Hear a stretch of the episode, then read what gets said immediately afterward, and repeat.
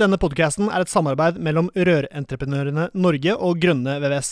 Felles for både Eli og meg er at vi brenner for rørbransjen, og vi ønsker å dytte bransjen i riktig retning. Men dette får vi selvfølgelig ikke til alene, vi trenger flere. Du kan bidra med å abonnere på podkasten, skrive en omtale i iTunes og dele denne med folk eh, du er glad i. Da setter vi i gang med ukens episode.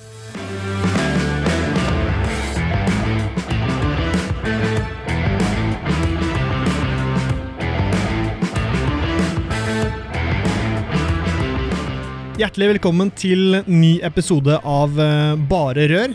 Her er Severin Poppe Midtøyde, jeg, Eli Hermine Heidal fra Rør-Norge, eh, prøver å finne ut av hva som beveger seg i rørbransjen. Vi sitter nede på Majorstuen på eh, Rør-Norge sine kontorer, og intervjuer og prater med bra folk fra bransjen.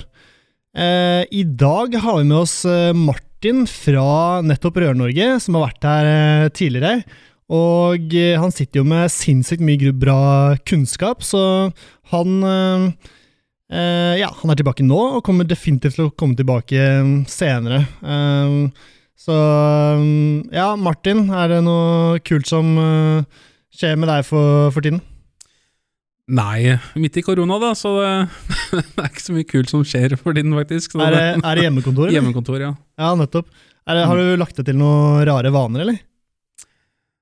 Uh, nei, altså lunsjen kan være sånn uh, enten klokka ni eller klokka to. Eller, det, man, det, er liksom etter hva man gjør det til, egentlig. Ja, nettopp. Mm. God frokost uansett, eller?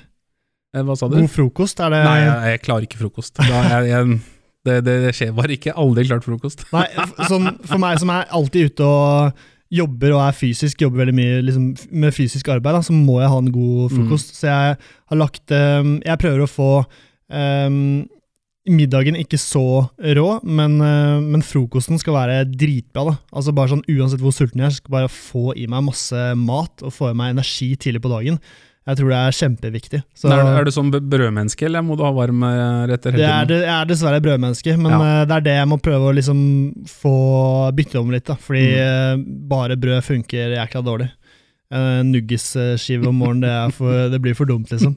Så drikke mye om morgenen, spise masse digg mat, bare få i seg mye, det tror jeg er det er viktig, ass. Så, men Martin, eh, du er jo her for en eh, grunn. Aller først, Eli, hvordan eh, går det med deg? Det går bra med meg. Ja. Jeg gleder meg jo egentlig bare til å snakke med Martin, for i dag skal temaet være kvalitetssikring. Yes, sir. Eh, og er det noe han kan, så er det det. Mm. For han er jo, mm, for de som ikke har hørt Martin i forrige, eller første gangen han var her, så er jo han en real fagnerd innen rør. Uh, og dokumentasjon og kvalitetssikring er jo en veldig viktig del av faget som kanskje blir snakka litt lite om. Så det var derfor jeg foreslo å dra inn Martin her i dag. Ja, Martin er ikke bare nerd, men han er jo også han er blitt mitt, uh, mitt forbilde. Siste episode så skjønte jeg hva Martin faktisk driver med, og hvor engasjert og hvor, uh, hvor mye han betyr da, for, um, for bransjen. Så det var, det var nice. Um, men Martin, hva skjer? KS, hva, hva går det i?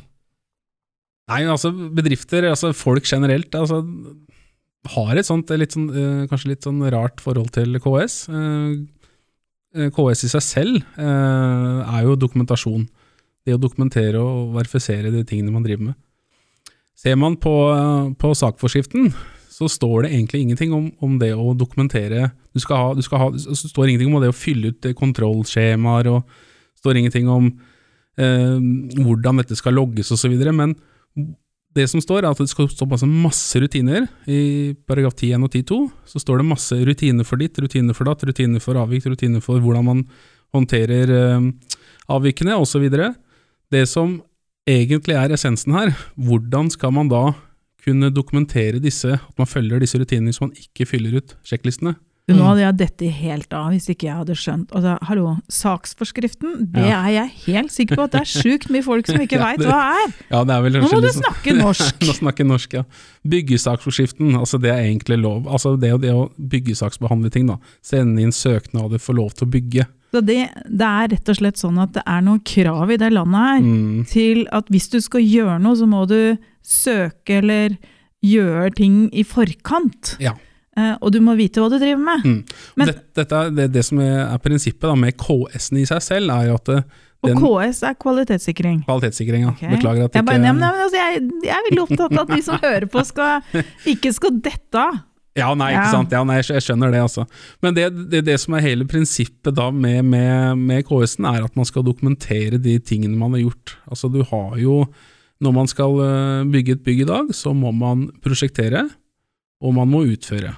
Men- det er egentlig, da skal man dokumentere prosjekteringen sin, og man skal dokumentere utførelsen sin. Så det er egentlig det egentlig kvalitetssikringen er, da. Men det gjelder i prinsippet kun søknadspliktige tiltak. Ser man på service- og vedlikeholdsmarkedet, så er det ikke noe krav til KS i seg selv. Det er ikke noe som heter at man må fylle sjekklister eller så videre. Men den dokumentasjonen, uavhengig senere, vil jo ha en god eh, godt grunnlag for, et, eh, for, eh, for eh, hvis du skal oppnå en tvist, blant annet. Mm. Hvis man fyller ut sjekklister selv på da service- og vedlikeholdsarbeid, altså bare en enkel sånn stramma vannlåsen, eh, stramma kuplinger, sjekka ting ikke lekker og, sånt, og har Mm. en dokumentasjon på det, så vil man gå hands free senere, da, eller få muligheten til det. Så fremt Mm. man ikke har gjort noe galt, da. Ja. Mm. Vi avslutter jo siste episode med å eh, snakke om hvordan eh, bransjen Altså siste episode du var her, så snakket vi om hvordan bransjen ville se ut om eh, eh, om ti år. Mm. Eh, og da prater vi om mye mer KS. eh, Ja. Og da også innen service. Eh, så det var jo akkurat det du sa nå, Ja. at det blir, kommer til å bli viktigere og viktigere. Det jeg hadde i bakhodet, det var jo um, den nye avhendingsloven som vil komme. Eh, avhendingsloven i seg selv gjelder egentlig eh, salg av eiendom. Salg av eh, en bolig du eier. Regler for Mm. hva du kan gjøre når du skal selge et hus. Mm, mm. Ja. Og det som er i, i dag, altså det er veldig få rørleggere, som, eh, eller bedrifter også, den sak, eh, som sender dokumentasjon til sluttforbruker. Er, det lov, er ikke det egentlig et lovkrav? det er et lovkrav.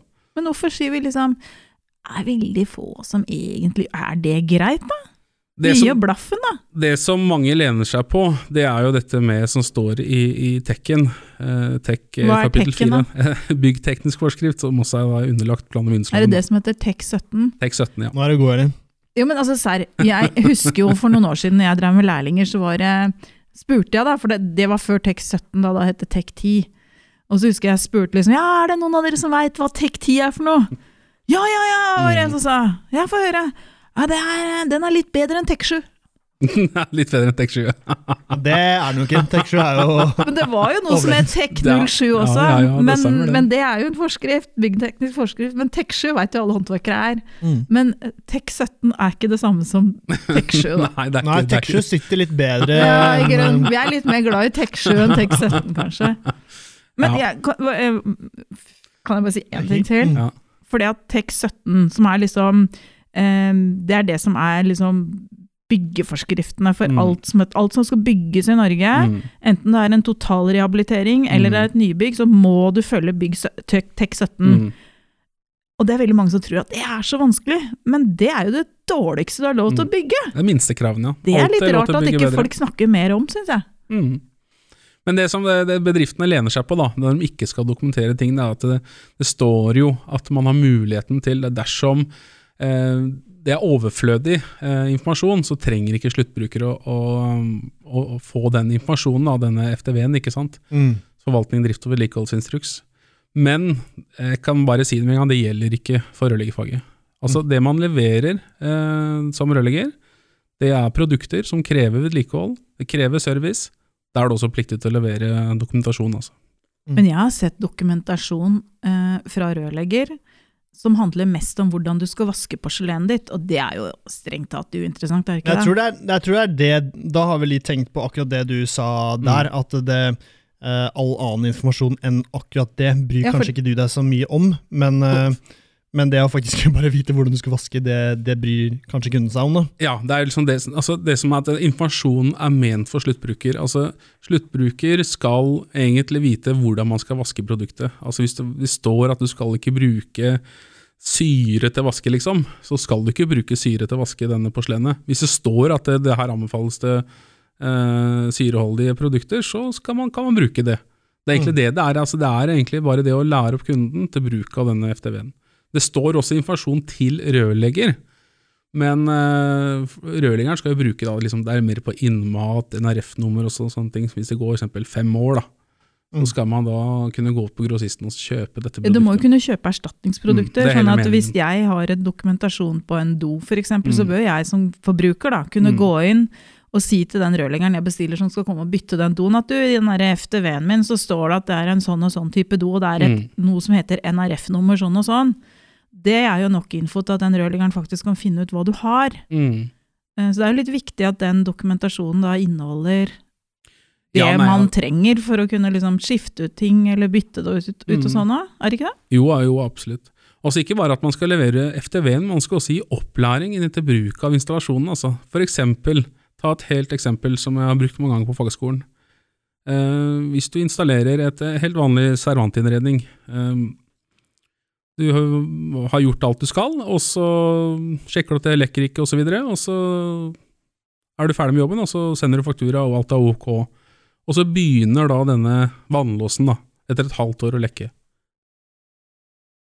Hva gjør du da? Det er liksom de tingene man må sette seg i, tanker også. at det, hvis du som rørlegger, som utfører en rørlegger, kan da eh, dokumentere at du har gitt opplæring til kunden, kunden har signert på at eh, etter, etter et halvt år, eller et kvart år, så skal man etterstramme. Man skal rense vannlåsen. Mm. eh, man skal etterstramme hvis det er noe, liksom, ute på vannlåsen. Eh, så er det slik at hvis det da skulle skje noe, og du kan da gå til kunden og si at men du har jo skrevet under på at her har du fått opplæring. Jeg har jo vist deg hvordan du skal gjøre det. Mm. Og det skulle vise at den, denne servantinnredningen er helt eh, ødelagt. Så kan du faktisk gå fri, altså. Mm. Eh, fordi da har du gjort din, eh, din eh, dokumentasjon.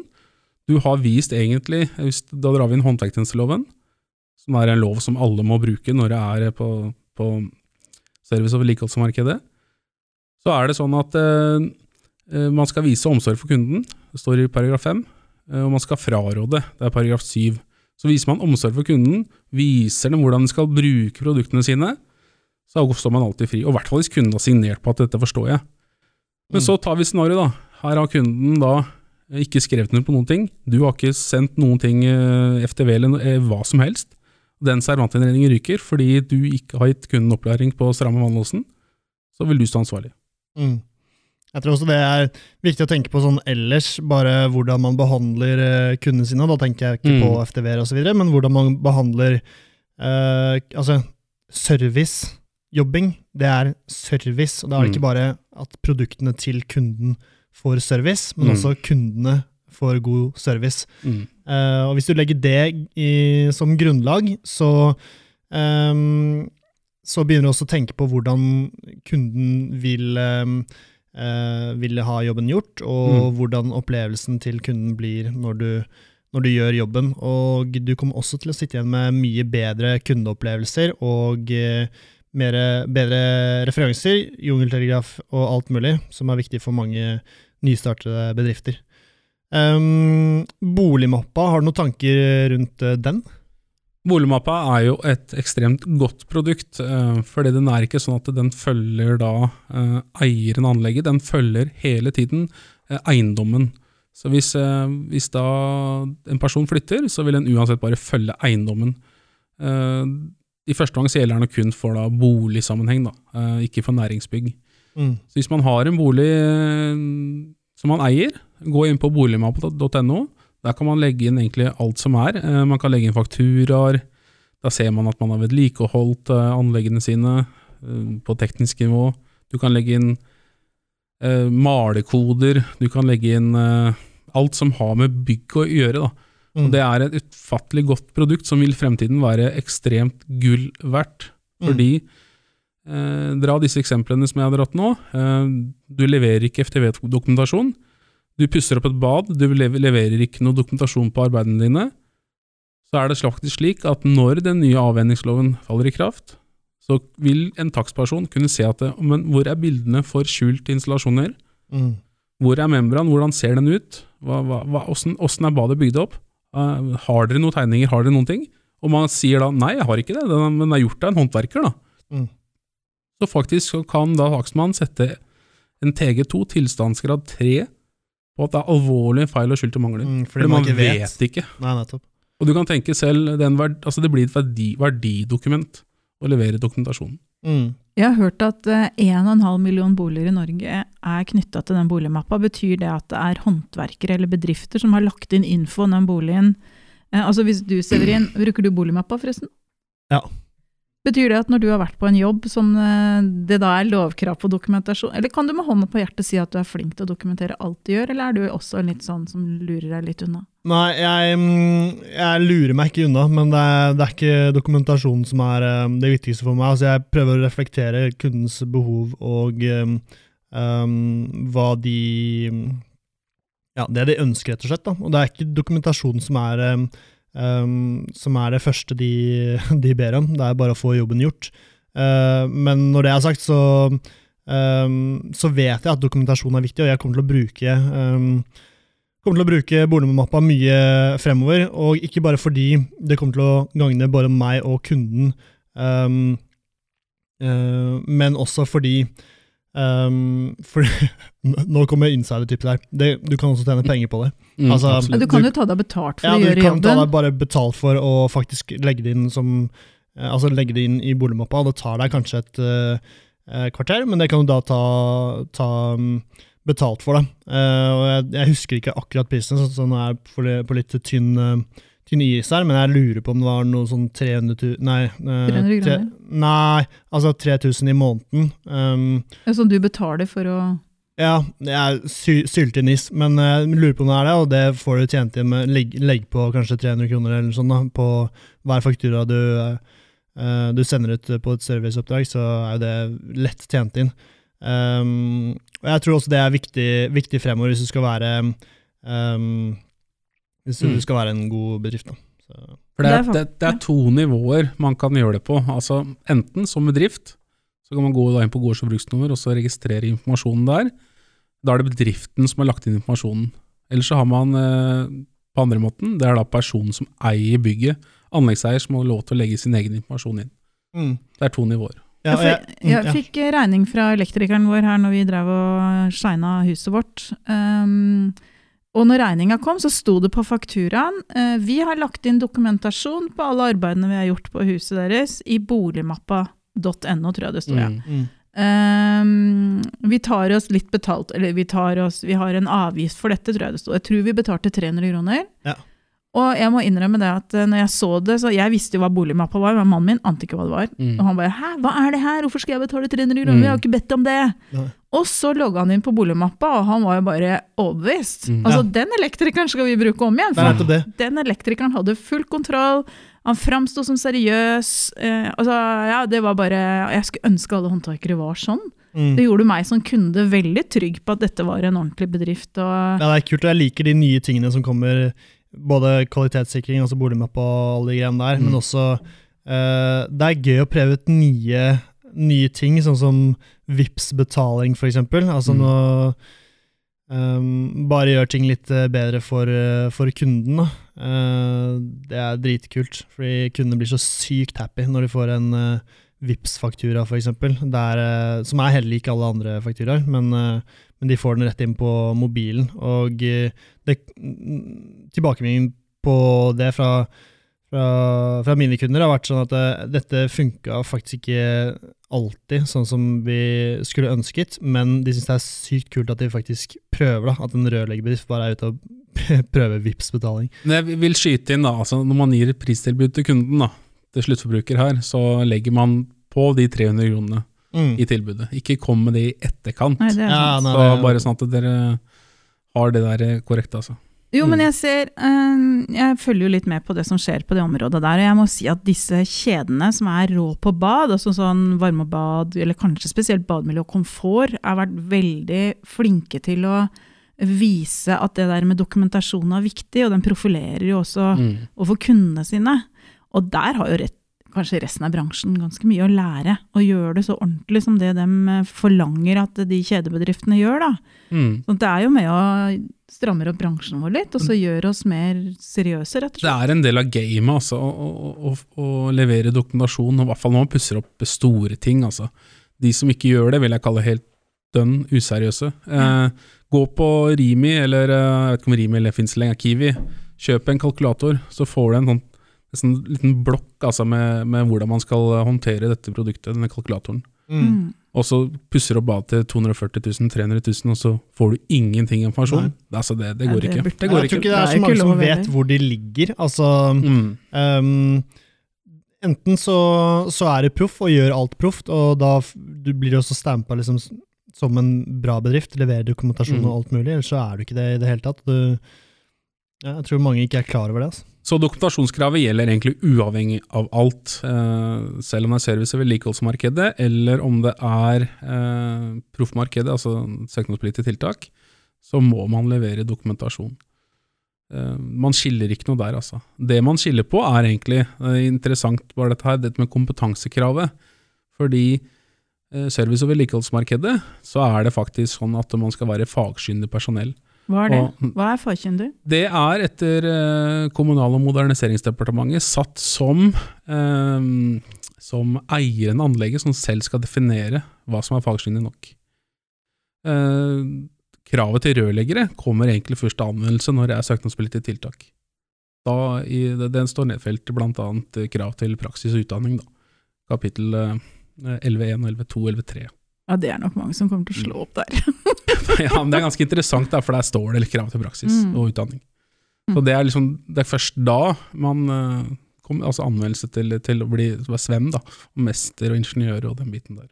Mm. Så det du egentlig gjør, er å heie på bedrifter som er flinke til å dokumentere, Uh, og si at det, og understreke overfor alle at uh, Mm. dette er viktig. Det er faktisk, det er ikke sånn at du gjør det bare for gøy, det er faktisk et lovkrav. Det er lovkrav, og som jeg, fall, jeg vil i hvert fall hevde, da, er at uh, du kan ikke lure deg unna det kravet i, i, i forskriften, ved at det er over, overflødig krav. Det går ikke.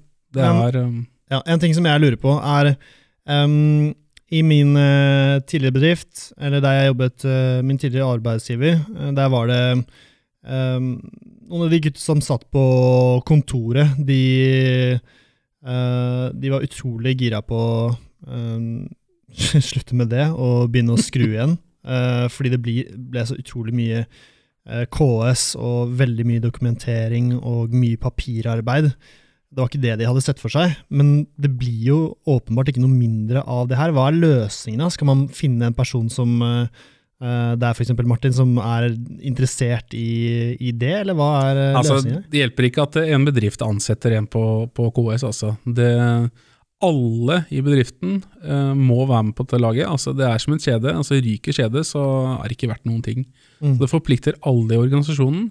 Er ledelsen god på, på KS og legge til rette for de som må bruke det, så er det ikke verdt noen ting hvis de ute ikke bruker det. Og samme andre veien. ikke sant? De som, den som er eh, flinke ute, som uh, leverer dokumentasjonen på den korrekte måten, hvis det ikke blir håndtert riktig innad, Mm. i da administrasjonen, så funker det ikke. Men det er jo noe som heter sentral godkjenning. Eh, Det er vel en ordning som er litt under i spill. Mm. Eh, Men sånn som det er nå, da, så er det noe som heter sentral godkjenning for ansvarsrett. Mm. Det betyr at du som bedrift, for å kunne utføre en del arbeid, må søke sentral godkjenning for å få lov å gjøre de jobbene. Og for å få lov å få sentral godkjenning, så må du dokumentere at du har et såkalt godkjent kvalitetssikringssystem. Mm. Og år om annet så kommer Direktoratet for byggkvalitet på kontroll. Du får et brev i posten hvor det står at uh, nå skal vi ha en uh, kontroll, og det er jo ikke sånn at de kommer og ser deg inn i øya nødvendigvis, men de kommer og besøker bedriften din, sånn som jeg har hørt veldig mange har ringt til meg i hvert fall og vært Mm. fortvila. Da hjelper det ikke å ha et K-system som er en perm som står oppe i hylla på jobben, eller at det er én på jobben som jobber med kvalitetssikring.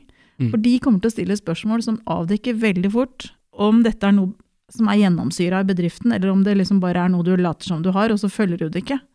Men du hjelper jo folk med sånt, Martin, gjør du ikke det? For dette er jo også daglig, kvalitetssikring. Ja, jeg må skyte inn at Det er ikke noe krav til at man må være sentralt godkjent for å kunne påta seg søknadspillige tiltak. Man kan erklære Lokalt, ansvar. ja. Eh, lokalt, en lokal, lokalgodkjenningen finnes ikke lenger. Nei. Så man kan erklære ansvar. Eh, sentral godkjenning har blitt et sånt eh, Hva skal de si for noe? Direktoratet hevder selv at det er et sånt kvalitetsstempel overfor bedriftene. Mm, Men det er jo søknadsprosessen som også går eh, fortere. Ja. Det som, er, det, som er, ja, det. det som er hele hov, hovedforskjellen, da, er at man må fortsatt erklære ansvar når man har eh, sentral godkjenning, men man slipper å dokumentere kompetansen sin På hver gang. på hver gang. Så sentral godkjenning, da har du allerede en forhåndsgodkjent nøkkel eh, hos direktoratet, slik at man da kan bare erklære ansvar, og så har man da innenfor sin sentral godkjenning, så er det bare å tutte og kjøre. Men uh, spørsmål. Um, hvem er det som sjekker om du har uh, kompetansen? Altså, jeg vet jo om jeg har kompetansen eller ikke, men jeg gir jo bare en eh, signatur og krysser av noen kjappe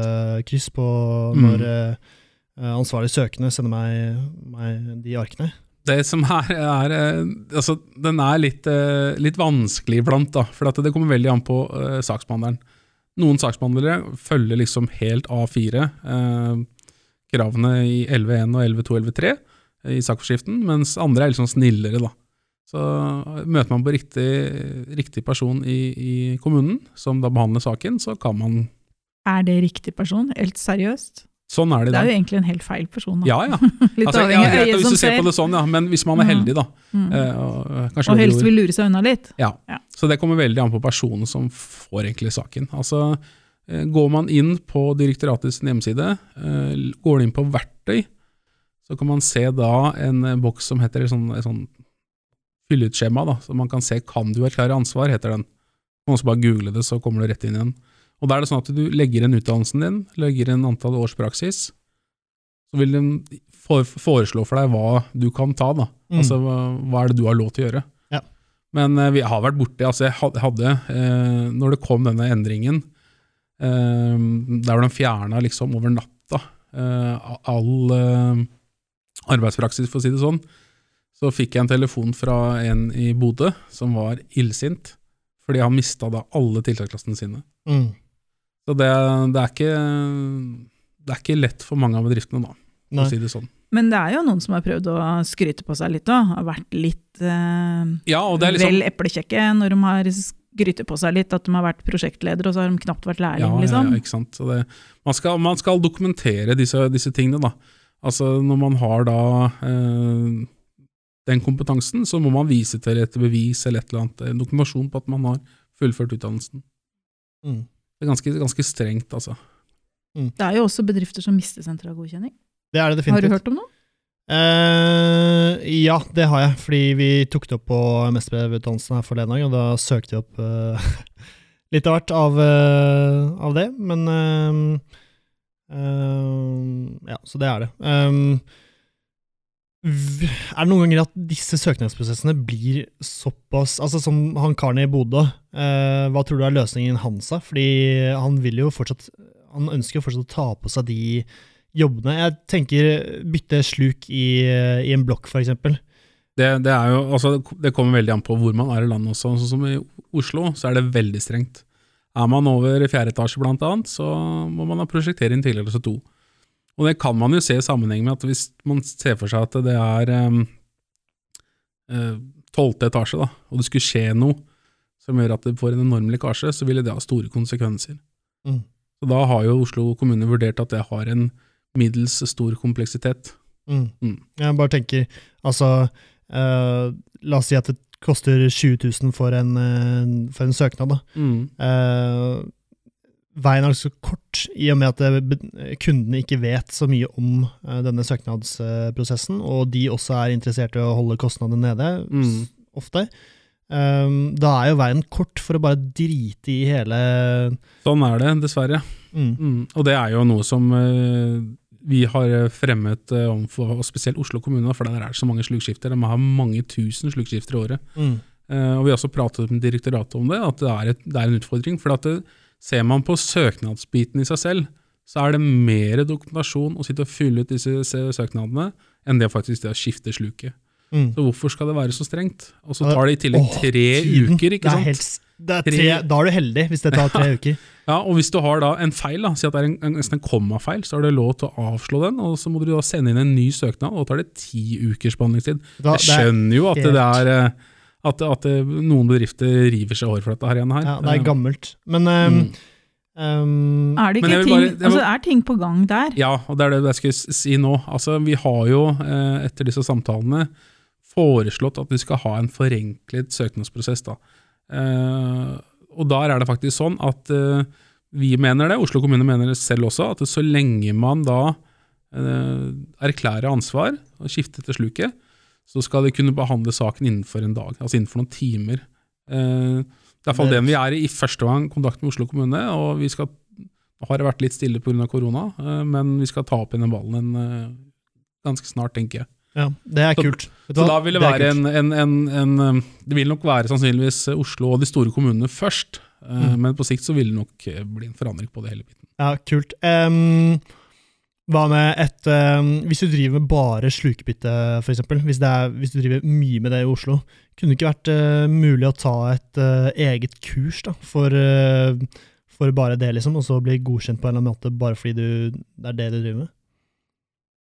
Er, ok, greit, det er min Tenkte du uten å være rørlegger? Det var en jækla god idé. Nei, ikke, ikke uten å være rørlegger, men at du har svennebrev og kanskje noen år av erfaring, men så Utfordringen er at eh, jeg må, må, må bare skyte inn, er at eh, som rørlegger, da, og du skal skifte sluket, så er det den biten i seg selv som er søknadspliktig, det å skifte sluket, fordi du bryter branncella. Um, da er det i prinsippet, vil du stå som ansvarlig søker, så da må det være prosjektering. Du må ha også utførelsen i tillatelse 1, tillatelse 1 på prosjektering, tillatelse 1 på utførelse. Eh, som Sven så kan man ikke ta på seg prosjekteringen til tillatelse 1. Det er kun utførelse, så det betyr at du må finne en som er minimum mester for å kunne ta prosjektering. Og det må prosjekteres, du kommer ikke utenom. Så Hva, men når du sier 'det må prosjekteres', du kommer ikke utenom, hva legger du i og at det må prosjekteres? Er det sånn 'ja, ok, der er et 75 mm sluk, jeg skal bytte til et 75 mm sluk', det skriver jeg på et ark', er det Mm. Eh, nei.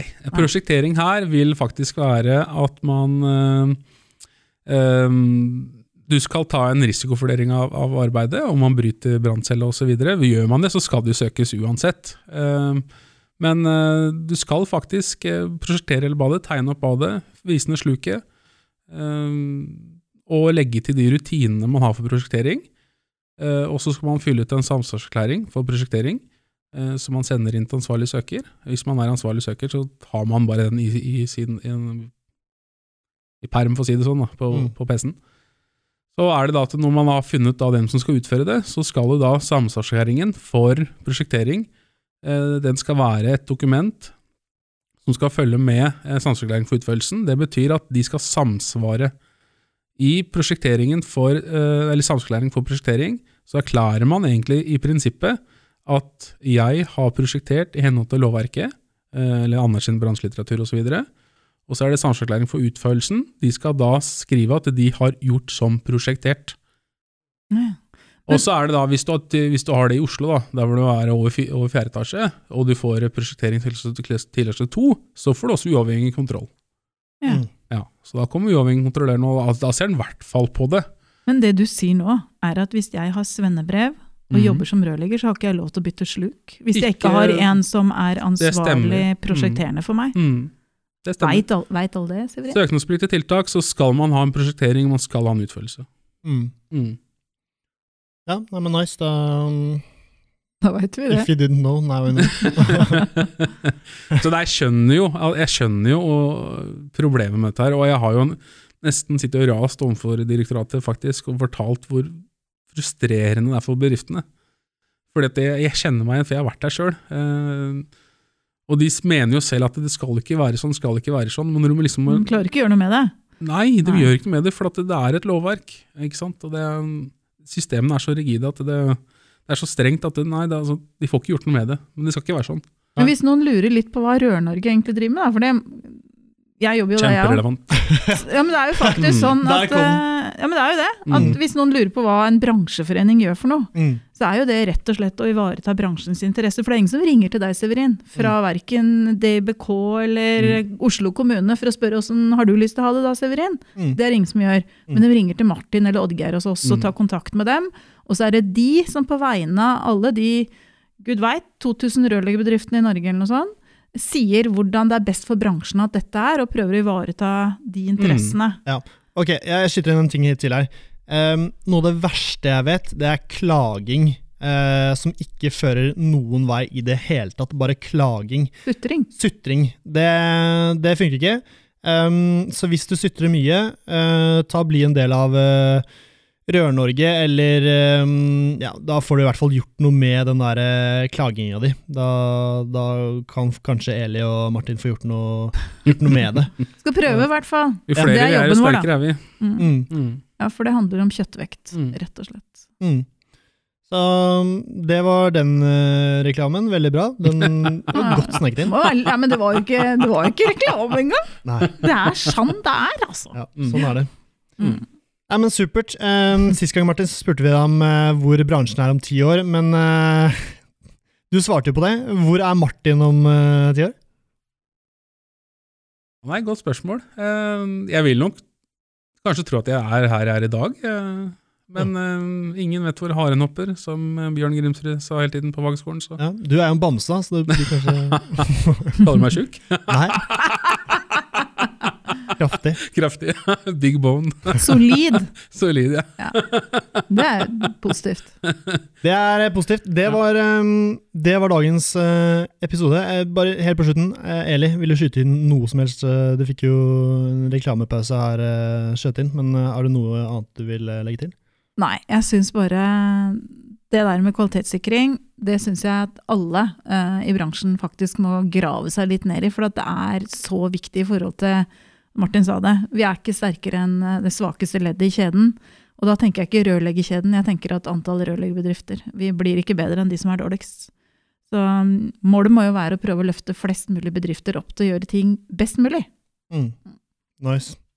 Sammen uh, går vi videre. Um, supert, det var dagens uh, episode. Håper du som hører på har en fortsatt strålende kveld, eh, midt på dagen eller morgen, og at du lærte noe nytt, sånn som jeg gjorde i dag. Eh, vi prates i neste episode. Ha det.